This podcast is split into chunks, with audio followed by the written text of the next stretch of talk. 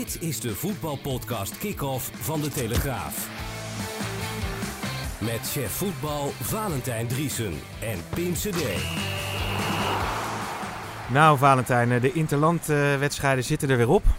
Moeten we niet even zeggen dat de Mike er niet bij is? Mike is er niet bij. Hè? We Hij heeft maar vakantie, met hè? tweetjes. Ja. Ongelooflijk, hij heeft Ja. vakantie. Ja. Ja, ongelooflijk. Dat de- deze man eh, vakantie kan opnemen is al... eh, Mocht het van jou? een, Jij bent toch eh, chef Ja, voetbal? ja, ja. Nee, dolgraag. kijk, als er iemand hard werkt, dan is het Mike wel. Allemaal op de sportredactie. Je moet tegenwoordig wel keihard werken. Hè? Want Ja. de, de appelen vallen niet meer zomaar van de bomen. dus, dus ja, nee, maar eh, Mike verdient echt die verdient wel een paar dagen vakantie. Maar morgen is hij er gewoon weer bij. Want het is eh, Ajax Heracles. Ja. Dus, eh, en daarna eh Leo Ajax natuurlijk. Woensdagavond natuurlijk een hele belangrijke wedstrijd eh, weer. Zullen we beginnen met... ja, we kunnen leuk beginnen of een beetje ja, zwartgallig beginnen. Wat wil, waar, hoe wil je beginnen? Nou, leuk. ja? Ja, Oké, eh, daar ben ik echt van. ESPN, die had een lijstje met eh, de 100 beste voetballers eh, ter wereld. Heb je dat toevallig Dat meegekregen? heb ik niet meegekregen. Nou, dat is wel mooi om eh, te zien. Ik pak die lijst even bij me. Van nu? Ja, ESPN eh, FC 100, Liverpool, Man- Manchester City dominate our ranking of world's best soccer players. Dus zijn de 100 beste spelers van de wereld. Maar wat nou zo mooi is, is dat Volgens het, eh, ESPN. volgens ESPN. Maar wat er nou, Amerikanen Ja, zijn die dat hebben er geen verstand van, wij Ja, zeggen. juist. Maar wat wel mooi is, bijvoorbeeld de nummer drie op de lijst van verdedigers, De Licht. Beste verdediger ter wereld, Van Dijk. Nummer twee midden, op middenveld, Frenkie de Jong, bijvoorbeeld. Als je dan kijkt naar eh, Ajax, die zijn vertegenwoordigd met Onana, Tagliafico, Van de Beek, eh, Tadic. En Ten Hag staat er ook bij. Terecht. Dus het is Allemaal het, terecht. zo- het, het valt Ja. in Amerika op. Ja. Het Nederlandse voetbal. ja, eh, daar doet Ajax wave. natuurlijk alles aan. Omdat Ajax Ja. heeft natuurlijk ook een aantal deelnemingen in, in Amerika. Dus die Oh, spreiden daar hun vleugels uit. Eh, dus misschien heeft dat er ook wel mee te maken. ja. En volgens mij is ESPN is ook nog ergens verbonden aan een of ander eh, initiatief van Ajax daar. Dus eh, Oh, nee, maar zover wil ik het niet, niet zoeken. Maar nee, het is helemaal niet vreemd natuurlijk. Want alle ehm, verkiezingen van de afgelopen tijd, daar zitten Nederlandse elftalspelers bij. En Ajax-spelers. En ook de Ajax-trainer. Dus zo raar is het niet. En ze hebben natuurlijk een geweldig eh, jaar achter de rug, 2019. Ja, geweldig als je die lijst erbij pakt, inderdaad. Nou ja, het eh, mindere nieuws, hè, daar is natuurlijk al heel veel over gezegd en geschreven. Het racisme, de KNVB heeft eh, laten weten dat ze alle initiatieven tegen racisme steunen in het prof- en amateurvoetbal. Als je nou de afgelopen week bekijkt, hè, na dat incident bij Den Bosch Excelsior, wat, wat, welk gevoel overheerst bij jou? Ah, teleurstelling. Teleurstelling dat dat eh zover heeft kunnen komen. En teleurstelling ook eh, dat eh, de KNVB die, die roept nu van we, staan overal achter. Maar de grote afwezige in het totale debat is de KNVB geweest. Hè. We hebben niks gehoord bijna van de KNVB. Jan Bluis, een competitieleider, werd naar voren geschoven. Maar ik heb geen Michael van Praag gehoord of gezien. Eh, kwam, eh te elfde uren kwam hij nog eh, met een of ander tweetje en beschuldigende vinger naar eh, supportersverenigingen. Erik Gudde, de directeur, niet gezien, niet gehoord. Ja, dan denk ik, het is een lid van jullie bond eh, die, die zo wordt benaderd eh, op, een, op een manier ja, waarvan je denkt, eh, ja, kan dat nog in Nederland? Nou, blijkbaar wel. En Hmm. het, het gebeurt wel vaker natuurlijk, maar veel op individuele basis. Maar dit was echt in groepsverband. Dan denk ik dat dit soort mensen juist voor hun leden moeten opkomen en, Ja. eh, en er moeten staan. Maar, en nu eh, is alles goed, maar ik ben ook heel erg benieuwd dadelijk als bijvoorbeeld Excelsior opnieuw mee wordt geconfronteerd en van het veld afloopt. Of de KNVB dan ook alles goed vindt. Hè? Of ze ook goed vinden dat Excelsior dan het veld afloopt. Of dat ze alsnog komen met een bepaalde straf, omdat dat volgens de reglementen Ja. zo eh, zou moeten zijn. Je kunt het ook bijna niet goed doen. Hè? Als je niet reageert, dan word je verweten dat je niet reageert. Als je wel reageert, zoals in de politiek bijvoorbeeld eh, Jesse Klaver met een uitgebreid statement. Ja, dan krijg je er weer van langs dat het eh, hypocriet is. Ja, Het is ja. wel moeilijk om, om, om als, als verantwoordelijke, zeg maar, Nou, in het politieke debat of ja. in de sport, daar de juiste toon Nou, dan in te roep je precies eh, het woord verantwoordelijk. Maar neem je verantwoordelijkheid dan. Hè, roep toeter niet zomaar wat. Hè, neem je verantwoordelijkheid. Als er dan gevraagd wordt om maatregelen. Onder andere door, eh, hè, door de voetballerij. Die willen graag eh, een meldingsplicht. En dan een fysieke meldingsplicht. Ja. Niet via internet of via een appje. Nee, fysieke meldingsplicht. Ja, en dan geeft de, de overheid eh, geeft niet thuis. Hm. En, en dat is wel een, eh, een vorm waarmee je een, een hoop ellende uit, eh, uit de lucht kan halen. Nou, daar wer- werken ze niet aan mee. Dan denk ik van, ja, ga daar dan eerst eens Ja. eh, mee aan de slag. En dan Rutte, die weer heel goedkoop roept van, eh, ja, het is een probleem van de maatschappij. En, eh, Ik heb het nog voor de camera gehad inderdaad. Ja? Toen zeiden ja, je moet toch niet verwachten, hè? want eh, Koeman had toen gezegd van, nou ja, politiek. Ja. Veel betekend, zei hij eigenlijk, ik knik hè, Ja. in die persconferentie. Toen er werd gevraagd van, vind je dat de politiek te weinig doet? En Rutte zei de dag daarna van, ja, maar je moet natuurlijk niet nu in 24 of 48 uur meteen allerlei besluiten nemen. Hè? Er moet een eh, maatschappelijk debat op gang komen. We moeten het met z'n allen doen. Ja, maar hoe heet dat? Hij heeft eh, de verantwoordelijkheid in, in, dit, in dit land, hè, dat die maatschappij eh, vloeiend loopt. Zeg maar. Hij heeft bepaalde idealen, want hij staat dan voor de VVD. Nou, dan neem ik aan dat je daar werk van wil maken en werk van moet maken. En niet voor weglopen en het maar even weer eh, terug, eh, de bal terugkaatsen naar de maatschappij. Die moeten er maar, eh, maar voor zorgen. Die moeten met een oplossing komen. Het blijkt dat de maatschappij daar heel veel moeite mee heeft om, Ja. om tot een oplossing te komen. En hij kan ze helpen. Nee, maar wat doet hij? Hij keert, ze de rug toe en, en loopt eh, vrolijk verder. Ja, dan denk ik wel, kom op zeg. Ik zie de kop van deze podcast. Valentijn Drietse, dubbele punt. Rutte keert maatschappij de rug toe. ja, Ook ja. Valentijn Drietse, Mag ook zuur over politiek. ja. Maar, maar nog heel even serieus over de KNVB. Maar serieus, ik ben hier heel Nee, dat serieus is serieus. over, Nee, sorry, want, maar eh, nog ik vind even het echt belachelijk. En ook ook eh, de SP, en ze hebben er allemaal aan meegedaan. Eh, Mijn mailbox, eh, nou, er zit weinig van de SP bij. En ineens krijg ik in de, in de mailbox krijg ik een, ehm, een Kamerlid van de SP. eh, die stuurt een boodschap van: eh, Dit zijn de vragen die ik ga stellen. Bij het vragenuurtje over het racisme. Oh, naar jou? Kreeg je die persoonlijk? Nou, of die persoonlijk is, dat weet ik niet. Maar ik Oh, kreeg hem in mijn mailbox en denk, ja, wat, wat is dit voor gekkigheid? Waar, wat, eh, nu nu, nu eh, geven ze ineens allemaal thuis. Nu zijn ze ineens allemaal bereid om, eh, Ja. om in de media te verschijnen. Behouders Ja. Michael van Praag dan. Die was dan weer niet eh, bereid. Nee. En terwijl hij juist wel bereid zou moeten zijn om nu zijn licht hierover te laten Ja, want ik wilde me alleen nog even afvragen over de KNVB. Want je zegt van, nou ja, grote afwezig in dat racisme-debat. Hè? Maar, maar, maar wat vind je van die houding? Nee, dat vind ik verwerpelijk. Ja. Zij, mo- zij moeten juist staan voor hun leden. En zij moeten aangeven wat zij wel en niet accepteren. Wat zij daar wel en niet aan willen gaan doen. Hm. En ik vind dat zo iemand als eh, Mendes Morera, die, die verdient dat eh, de baas van de KNVB eh, zich, zich meldt en zich publiekelijk Ja. uitlaat hierover. Ook richting de speler, maar ook richting de rest van de, van de voetballerij en de amateurs en de profs en het vrouwenvoetbal. Alles moet hij op dat moment, eh vertegenwoordigt hij op dat moment. En dan vind ik, dan moet Ja. je je gezicht laten zien. Nee, helder. Nou, laten we naar de stellingen gaan en gewoon over voetbal gaan praten. Oranje heeft me teleurgesteld eh, tegen Noord-Ierland en Estland. Tegen Noord-Ierland zeker en tegen Estland eh, niet. Ajax moet tegen Heracles al verdedigers opstellen die tegen Lille gaan spelen. Ja, ben ik mee eens. Oud AZ-coach Van de Brom gaat AZ een nederlaag bezorgen. Ja.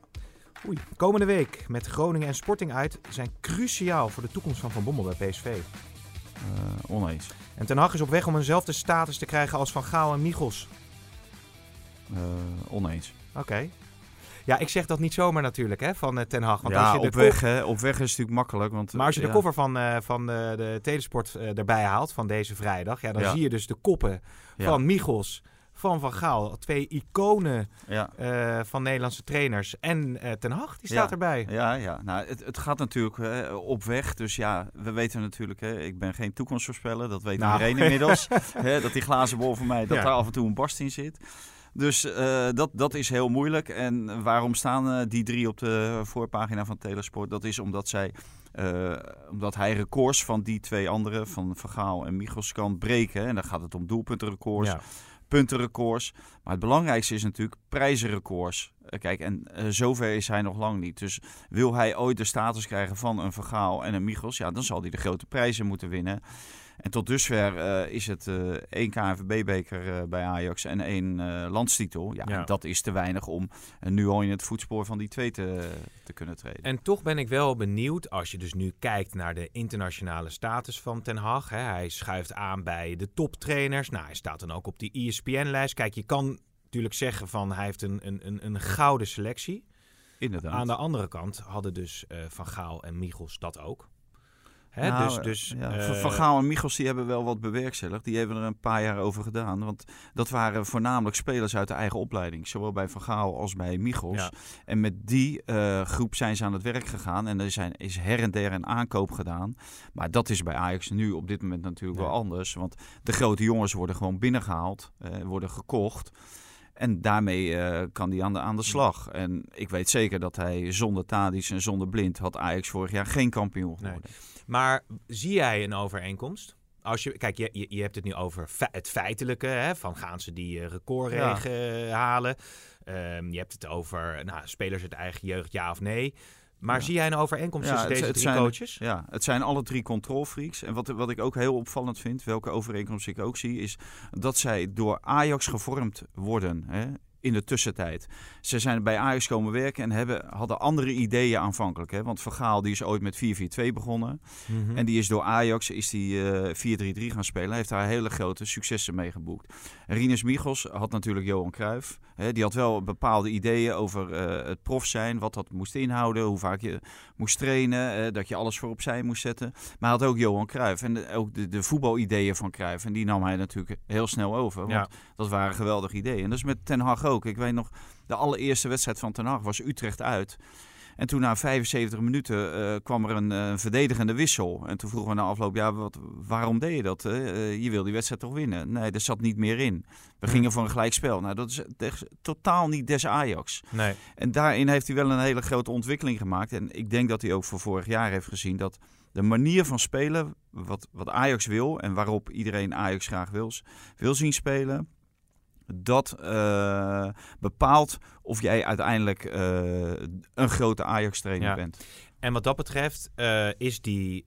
Daarom vond ik het bijvoorbeeld Precies. ook heel erg jammer dat hij Oh. tegen PSV... Ja, nou, dat, dat wou inderdaad dat zeggen. Want tegen PSV deed hij eigenlijk hetzelfde deed als hij toen weer bij Utrecht. hetzelfde Koos als toen bij Utrecht. zekerheid, Nou, gelijk spelletje. Ja, en terwijl dat helemaal niet nodig was. Maar aan de andere kant zou je dus ook kunnen zeggen... je hebt daar zelf op eh, voorgesorteerd met die avonturenbroek... die hij moest Ja. aantrekken bij Chelsea uit.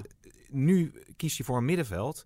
wat dus misschien wel in, in dat kader past. Ja, ja want, want zijn Ja. middenveld ook weer voor dit seizoen was aanvankelijk hè, Daley Blind, Donny van der Beek en Marien, die, die Roemeen. Ja. En er is nu een heel ander middenveld uitgekomen. En dan begrijp ik wel dat je dan zegt van eh, ja, hè, op, op een gegeven moment zie je bepaalde kwaliteiten van spelers. Je ziet bepaalde eh, koppeltjes, eh, weet ik wat allemaal. Want eh, je traint er iedere dag mee. Maar het idee was Blind, Marien, van der Beek. Nou, als je het, het middenveld nu ziet, ja, dat is Ja. natuurlijk tien keer aanvallender en, en avontuurlijker en past honderd keer beter bij Ajax Ja. dan, dan eh, zijn aanvankelijke idee. Dus die evolutie, die, die moet je continu maken als trainer Ja. van Ajax. En Ajax eist dat in feite ook. En eh, daarom wordt hij ook een steeds betere trainer. Ja, omdat hij dat kan. Omdat ja, hij omdat, zich hij dat kan en omdat hij zich aanpast. Ja. En omdat hij niet blijft hangen in, in dat idee van oh, eh, 0-0 tegen PSV uit. Nou, dat is genoeg. Dat was dit jaar Ja. wel dan. Maar die, die slag heeft hij gemaakt bij Chelsea uit eigenlijk ook. Want nationaal deed hij het tegen Feyenoord en volgens mij tegen Zwolle. Met Ziyech op het middenveld. En nu doet hij het ook internationaal. En dan moet je zien wat, wat er van is gekomen. Nou, het heeft echt tot de, de 4-1. Dat, dat bezorgt Ja. een bepaalde status Europees Ja. gezien. Ik vind het interessant, want jij eh, zegt het nu over Ten Hag. En dan moet ik toch denken aan Ronald Koeman. Ehm, die natuurlijk een knappe prestatie heeft neergezet door zich nu te plaatsen voor het EK. Nou ja, aan de andere kant hè, wordt gezegd, het was knapper geweest om je niet te kwalificeren. Ja. Maar heeft, heeft hij ook dat vermogen, denk jij, om, om die stappen telkens weer te zetten? Want dat wordt nu het cruciale bij het Nederlands Ja. elftal. Nu zijn ze geplaatst. Je hebt nu een grote groep aan spelers waar je uit kan gaan kiezen. Ja. Nu moet hij misschien... Ja, met de billen bloot. Nou ja, maar, ja, want, want nu ja. is het de vraag, kan hij Ja. dat team doorontwikkelen op Ja, dat EK nou, en echt ja. voor die titel gaan? Ja, exact. Maar eh, dat, dat was een grote frustratie afgelopen maandag bij die persconferentie. Dat hij daarop eh, werd gewezen in diverse columns. Onder andere ook bij, bij mij, zeg maar. Hè, want eh, ja, de, de boel moet blijven ontwikkelen. Want eh, hoe noemen ze dat? Stilstand is achteruitgang. Ja. En een, ontwikkelings, eh, eh, een ontwikkeling die het Nederlands elftal moet doormaken, is dat er meer voetbal in moet Ja. komen. Eh, en hij blijft maar vasthouden aan de Roon, ook weer bij Ierland uit. Nou, uiteindelijk moet hij binnen 35 Noord-Ierland, minuten, ja. of Noord-Ierland, moet hij binnen eh, 35 of 36 minuten moet hij een wissel toepassen, omdat het voetballend gewoon niet goed liep. En de Roon had al een gele kaart. Nou, en dan denk ik van, ja, hij had een oplossing, had hij voor Noord-Ierland. Frenkie de Jong was in Nederland, was, of in Rotterdam, was hij vastgezet. Toen kwam de Roon te veel aan de bal en dan kom je niet aan voetballen toe. Nou, en dan denk ik van, nou, de, de oplossing, hij heeft de oplossing en dan verschijnt de Roon weer. Ja. dan moet je met Pruppen. En Pruppen was er de eerste wedstrijd was hij er niet bij, maar de tweede wedstrijd in Belfast in Noord-Ierland was hij er wel bij. Nou, toen hij erin kwam, toen ging het ook een stuk beter draaien. En de Roon was geschorst tegen Estland en weer eh Prupper op het middenveld. En dan ben ik benieuwd of dat, hè, want dat vind ik ontwikkelen van een elftal, of dat blijft staan. Ja, Hè, de Roon, eh, of eh Pruppen.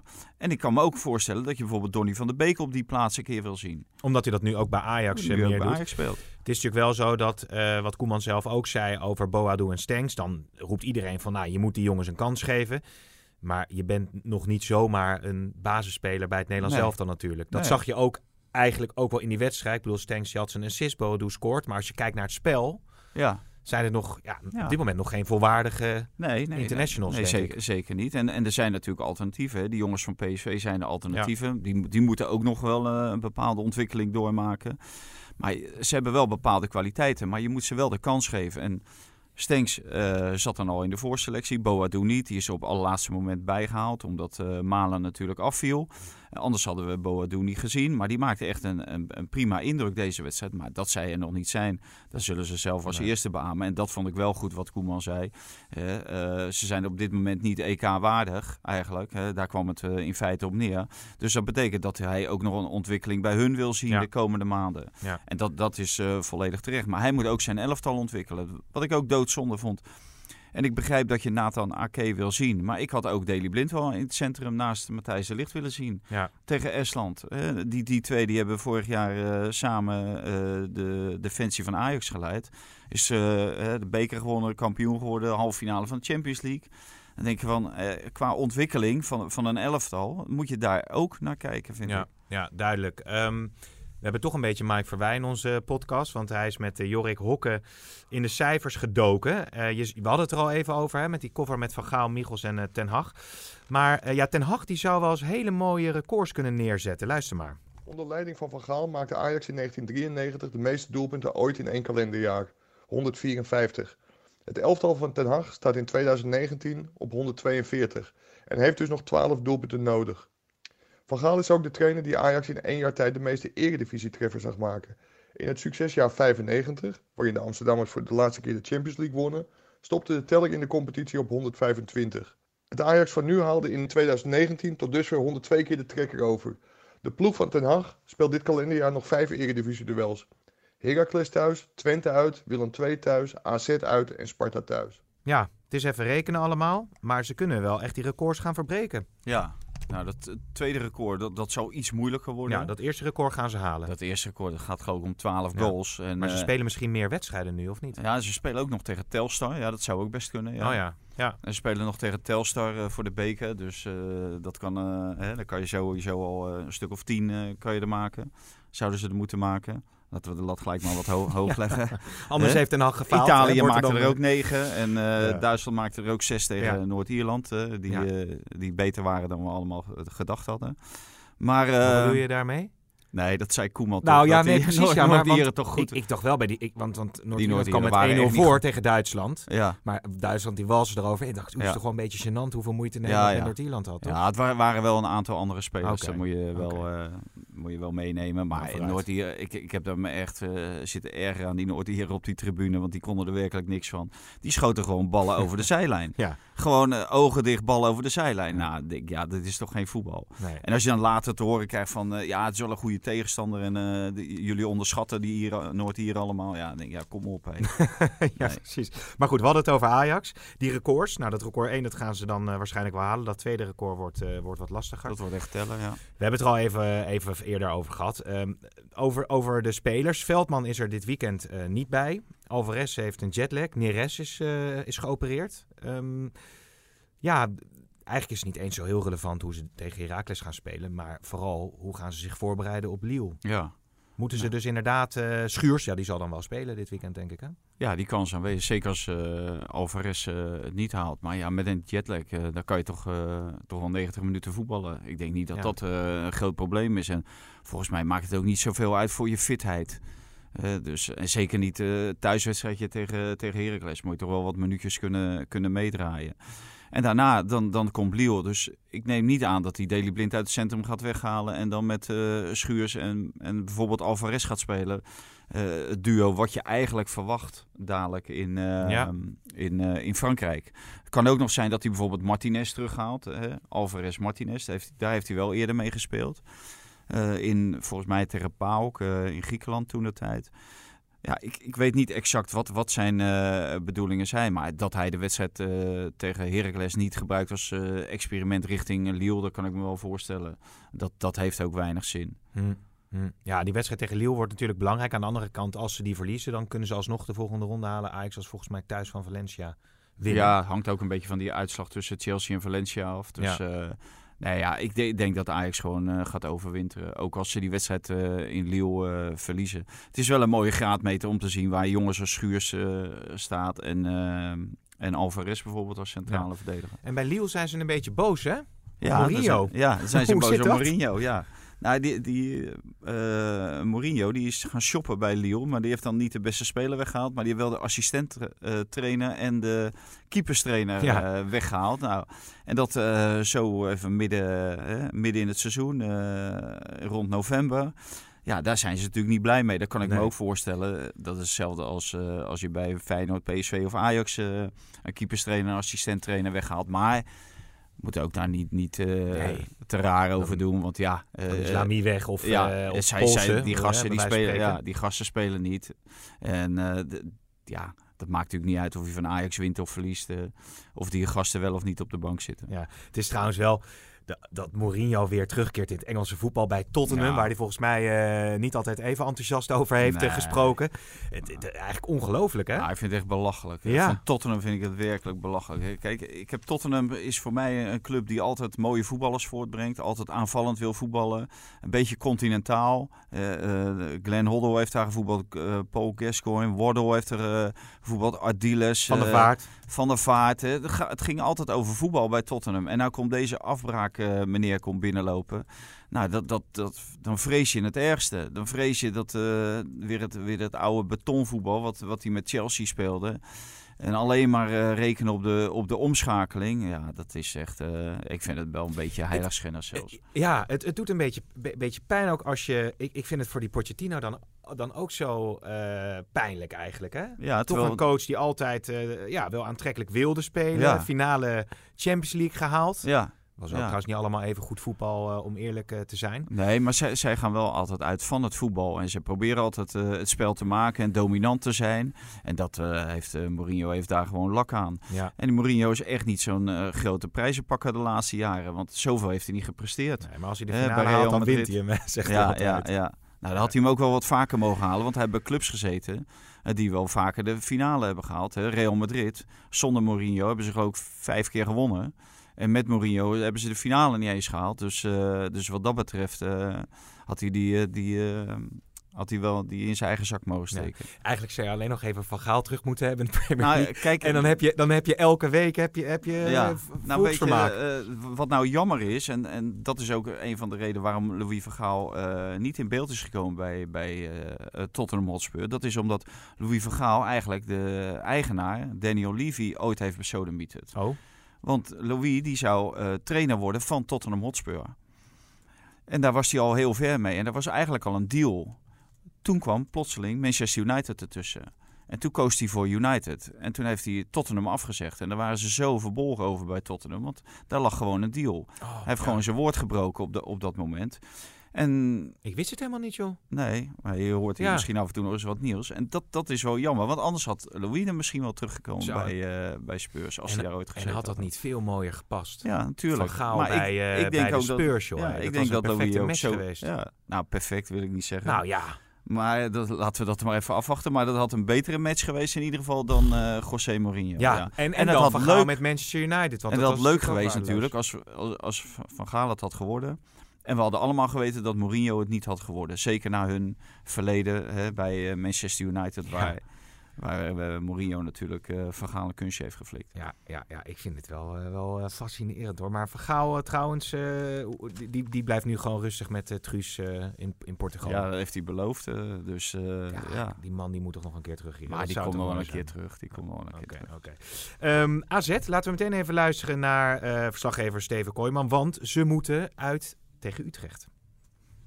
Eenmaal ging het Alkmaar makkelijk af. Dat was in 2003. Toen stond AZ al na vijf minuten met 0-3 voor, wat, wat destijds een eredivisie-record betekende. Nou ja, zo makkelijk zal het uiteraard uh, zaterdagavond niet gaan. Ten meer daar we het hier hebben over de nummers 4 uh, eh, en 2 van de eredivisie. Utrecht staat 4, AZ staat 2. En daarnaast staat ene John van den Brom aan het roer bij Utrecht. De man die de afgelopen vijf jaar natuurlijk trainer was van AZ. Ja, en die, uh, die AZ echt door en door kent. Heeft ook twee oude spelers in zijn geleden, Adam Maher. Uh, onder andere. Ja, de vraag is, gaat Van der Brom net als tegen PSV en Ajax op de counter spelen? Of gaat hij de ploeg van Arne Slot met open vizier bestrijden? Nou, het eerste lijkt het meest waarschijnlijke, gezien de power van AZ. Nou, en, eh, en de ploeg van Slot heeft zich dit seizoen nog nooit aangepast aan de tegenstander. En zal dit uh, morgenavond in de Galgenwaard ook zeker niet gaan doen. Ja, hoe gaat Van der Brom uh, AZ bestrijden? Nou, hij, hij zal wel uh, komen met een elftal met weer heel veel middenvelders. En dat is meer een reactie-elftal dan een, uh, dan, een, dan een ploeg die eh, dominant uh, aan de bal wil zijn. Maar ik denk wel dat zij uh, tegen AZ veel dieper en AZ veel sneller zullen opvangen. Dus ik, ik neem aan dat zij wel veel meer initiatief gaan tonen dan, dan tegen Ajax bijvoorbeeld of, of PSV. Waar had Steven het over? PSV volgens mij. Dus ik, ik denk dat het Utrecht het AZ heel moeilijk kan maken. En AZ verdedigend is het best wel kwetsbaar. Ja, vind met ik. Vlaar en Hatsiakos, ja. Ja, en, en ook de backs. Uh, Wijndal is echt uh, aanvallend een hele goede back. Maar verdedigend uh, wat minder. Dus, en dat Van de Bron weet, weet, dat allemaal. Die weet ook alle zwakke punten. Dus ja, ik, ik denk wel dat Utrecht het AZ heel moeilijk kan maken. En ik denk dat normaal gesproken over een heel seizoen... Hè, dan zijn AZ, Utrecht, Vitesse, Feyenoord... zijn allemaal een beetje aan elkaar gewaagd. Ja? En, en steekt, uh, steken PSV en Ajax er wel bovenaan. AZ zit er nu toch wel iets boven? AZ zit er op dit moment iets boven. Maar hoe lang, hoe lang duurt dat nog? Hè? Want uh, Boadu en Stenks die presteren natuurlijk ver boven verwachting. Maar kunnen ze dat ook volhouden? Ja. Ze zijn nu A-international geworden. Dan wordt er toch weer anders naar je gekeken. Het verwachtingspatroon ligt hoger. Je hebt ook iedere wedstrijd het idee van... ik moet wel laten zien dat ik een A-international ben. Ook al met het oog op uh, Euro 2020 uh, wat eraan gaat komen. Ja. Dus je moet ook presteren. Koeman heeft dat ook nadrukkelijk uh, gezegd zo. Dus ja, er zit wel een andere druk op bij die jongens. En dat gaat er ook uh, opkomen bij AZ, de nummer 2 van Nederland nu. Nou heb je van die coaches die uh, eigenlijk een beetje de, de, ja, de gunfactor is misschien niet helemaal goed gezegd, maar die een beetje de uitschaling mee hebben. Dat zo'n zo, zo slot, daar denkt iedereen dan van leuke kerel, goede coach. Ja, dat is wel gekomen eigenlijk. Hè? Van dat... de Brom is vaak daar, daar wordt door, door Bichot geloof ik ook, hè, is daar ja. wat negatiever over gesproken. V vind je dat hij te weinig uh, credits krijgt voor, gek genoeg, het succes wat AZ nu heeft? Want hij heeft ook wel die jeugdspelers uh, vertrouwen gegeven vorig seizoen. Ja, nou, ik denk dat het een combinatie uh, is. Uh, ik, ik heb ooit een column geschreven en daar heb ik dat ook aangegeven van Van de Brom is belangrijk, maar Slot is bijna net zo belangrijk. Omdat die geluiden, die vingen we toen al op uit, uit de spelersgroep. en niet van één of twee spelers, maar wel, wel van meer.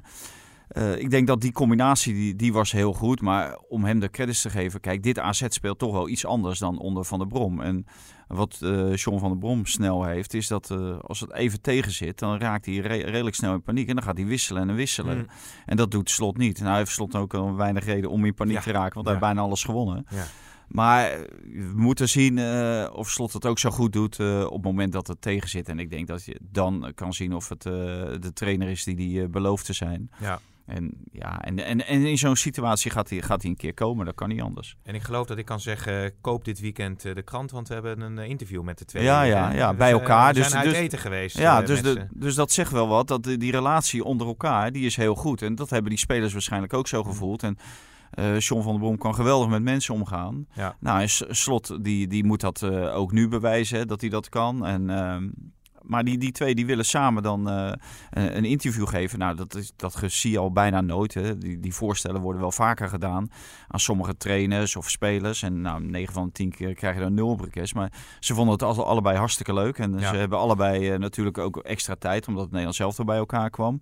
En dan, eh, dan komt daar gewoon een, een mooi verhaal uit met, met waaruit het respect voor elkaar eh, eigenlijk eh, afdruipt. En niet, je hebt niet het idee als je het verhaal leest van, eh, nou, dit is echt gemaakt. Ze zitten hier gemaakt elkaar aardig te vinden en ze hebben gemaakt respect voor elkaar.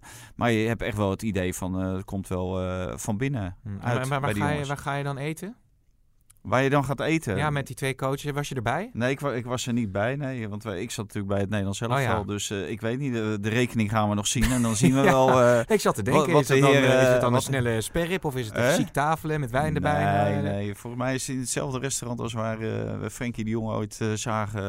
eh, Ik, dat is een goede quizvraag voor de... ja, de zagen luisteraar, dineren het- met eh, Paris Saint-Germain om, eh, om daar eh, te gaan voetballen. Mag ik aan het eind van eh, deze show mijn antwoord geven? Ja, en ja, als ik het dan goed jij. heb, wat krijg ik dan? Ja. Een Nou, etentje? Nou, ja, ik, ik zeg je, ik moet, de- factuur moet ik nog krijgen. Dus eh, Heb, wat, heb je het, wat is, zijn trouwens, want je hebt natuurlijk wel vaker dat je gaat eten met, met coaches of spelers. Heb je nou wel eens verzoeken gehad dat je denkt, jezus, doe nou even normaal. Je moet het nou allemaal zo chic. Hè, met, met Nee. popsterren heb je altijd eh, dat, eh, dat het allemaal, eh, weet ik veel, nou ja, dat gaat dan weer om hotels en zo. ja, ja, Maar ja. ben, heb je wel eens dat je achterover valt van eisen van, van spelers of trainers bij interviews? Nee, nee, nee. Die hebben weinig eisen. Het is er nu tegenwoordig al bijzonder als je ze buiten de club kan, kan spreken. Ja.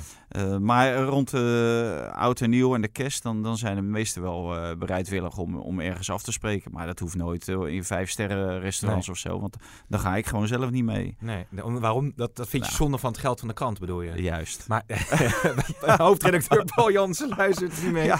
Maar, maar ja, het is even privé, Ah, hè? joh, dit- Maar heb je, heb je ook nog wel eens dat je denkt, nou, die eetpatronen van Drie. die eh, trainer of speler? Nee, totaal niet. Als we, als we maar niet bij de McDonald's afspreken, want dat is gewoon niet gezond. Dus, eh, Nee, dat is, dan heb je meteen die- weer een die, verhaal eh, als een speler bij de ja, McDonald's gaat ja, afspreken. ja, daarom, ja.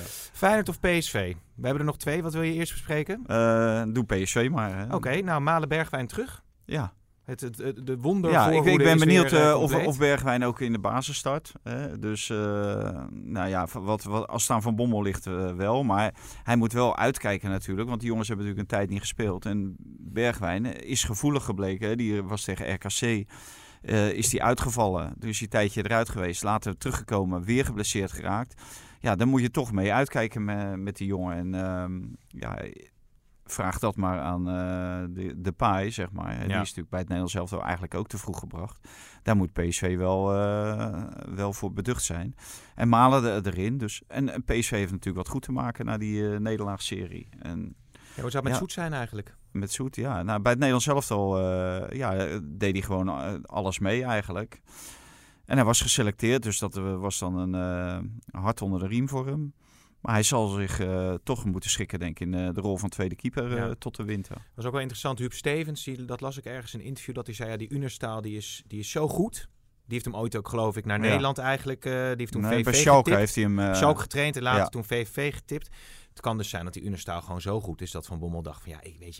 ik ik, ik moet Nou wel... eh, o- ook moet wel die- die keepers Maar ik, ik, ik denk dat hij eh, heeft gedacht. eh, hij ziet hem natuurlijk iedere dag op training, zowel Zoet als Unestal.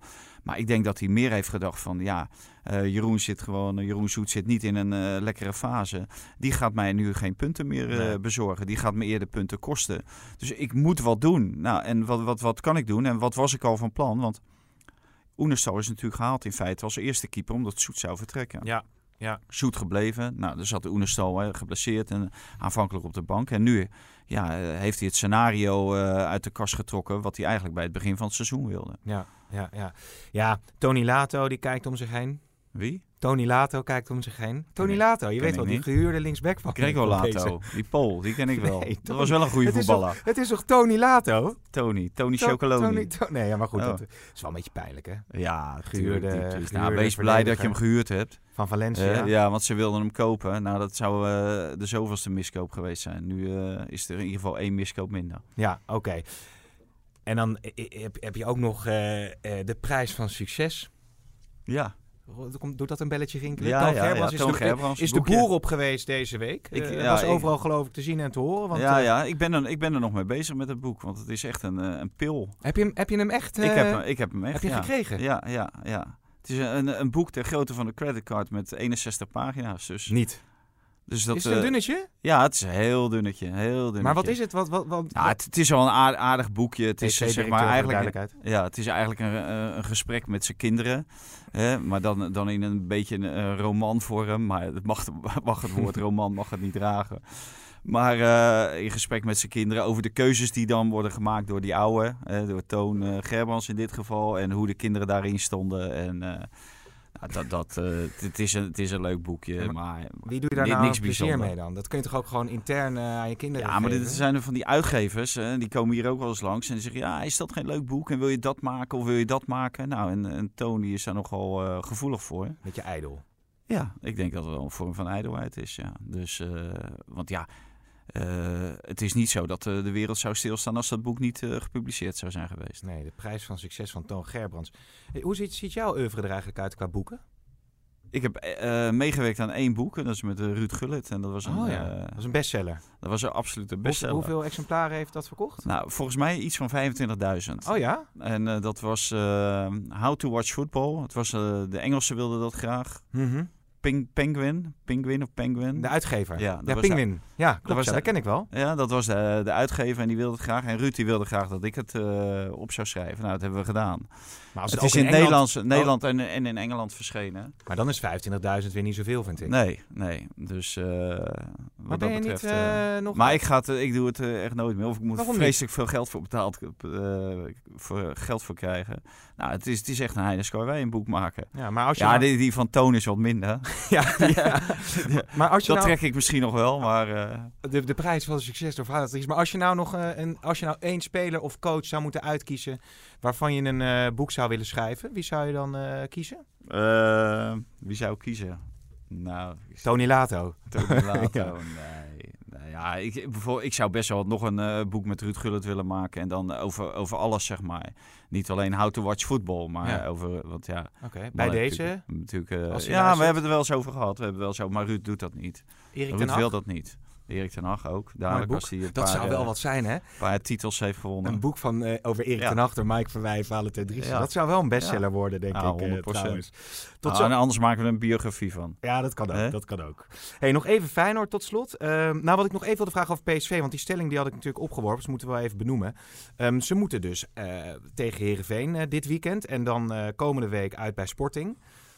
Ja, dat, want jij zegt dan, ja, dat is niet cruciaal voor Van Bommel. Maar als hij, als hij die als hij, ja, Europese overwintering staat op het spel, Ja. een, een, een, een, voor PSV... Ik heb wel een beetje het idee dat ze de Europese overwintering, dat ze dat zelfs al een beetje uit hun hoofd eh, Ja. hebben gezet. Pijnlijk wel, Heel pijnlijk, zeker als met je... Last Liens in de pool. Ja, en, eh, en die Nooren. Ja, Dus, eh, Rozenburg, ja. Ja. Nee, dat, dat is zeker, zeker pijnlijk, maar ik denk het niet dat ze daar eh, binnen... Je moet ook een bepaald alternatief hebben.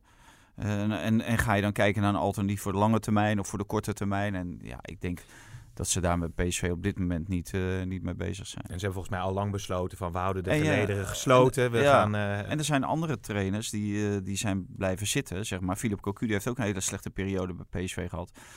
En onze vriend Giovanni van Bronckhorst Ja. ook bij Feyenoord. En ja, toen hebben de clubs, die konden wat doen. Hè. Die hebben toen eh, bij PSV is Guus Hiddink eh, een paar keer aangeschoven bij Cocu. Bij Feyenoord is eh, Dirk, Dick Advocaat toen aangeschoven bij Van Bronckhorst.